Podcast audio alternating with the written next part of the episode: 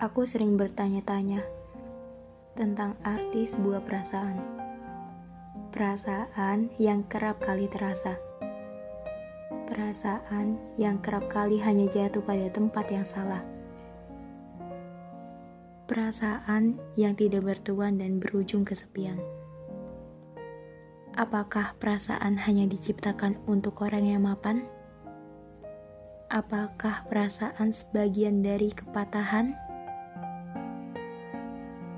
Dari banyaknya perjalanan yang telah dilewati, menuntun pada sebuah perasaan yang dibiarkan untuk bungkam. Kini aku sadar, barangkali perasaan hanya mampir sejenak menitipkan bahagia, lalu pulang dengan yang namanya kepergian. Tidak ada waktu lama untuk merasakan. Mungkin memang semestinya perasaan hanya berteman dengan luka-luka yang kembali mencari obat untuk penyembuh. Setiap manusia dibekali perasaan. Perasaan yang akan tumbuh atau bahkan mati.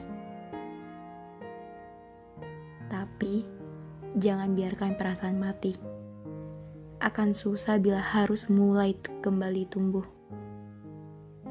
Saat ini, ragamu mungkin lelah, butuh sedikit jeda untuk mengistirahatkan rasa.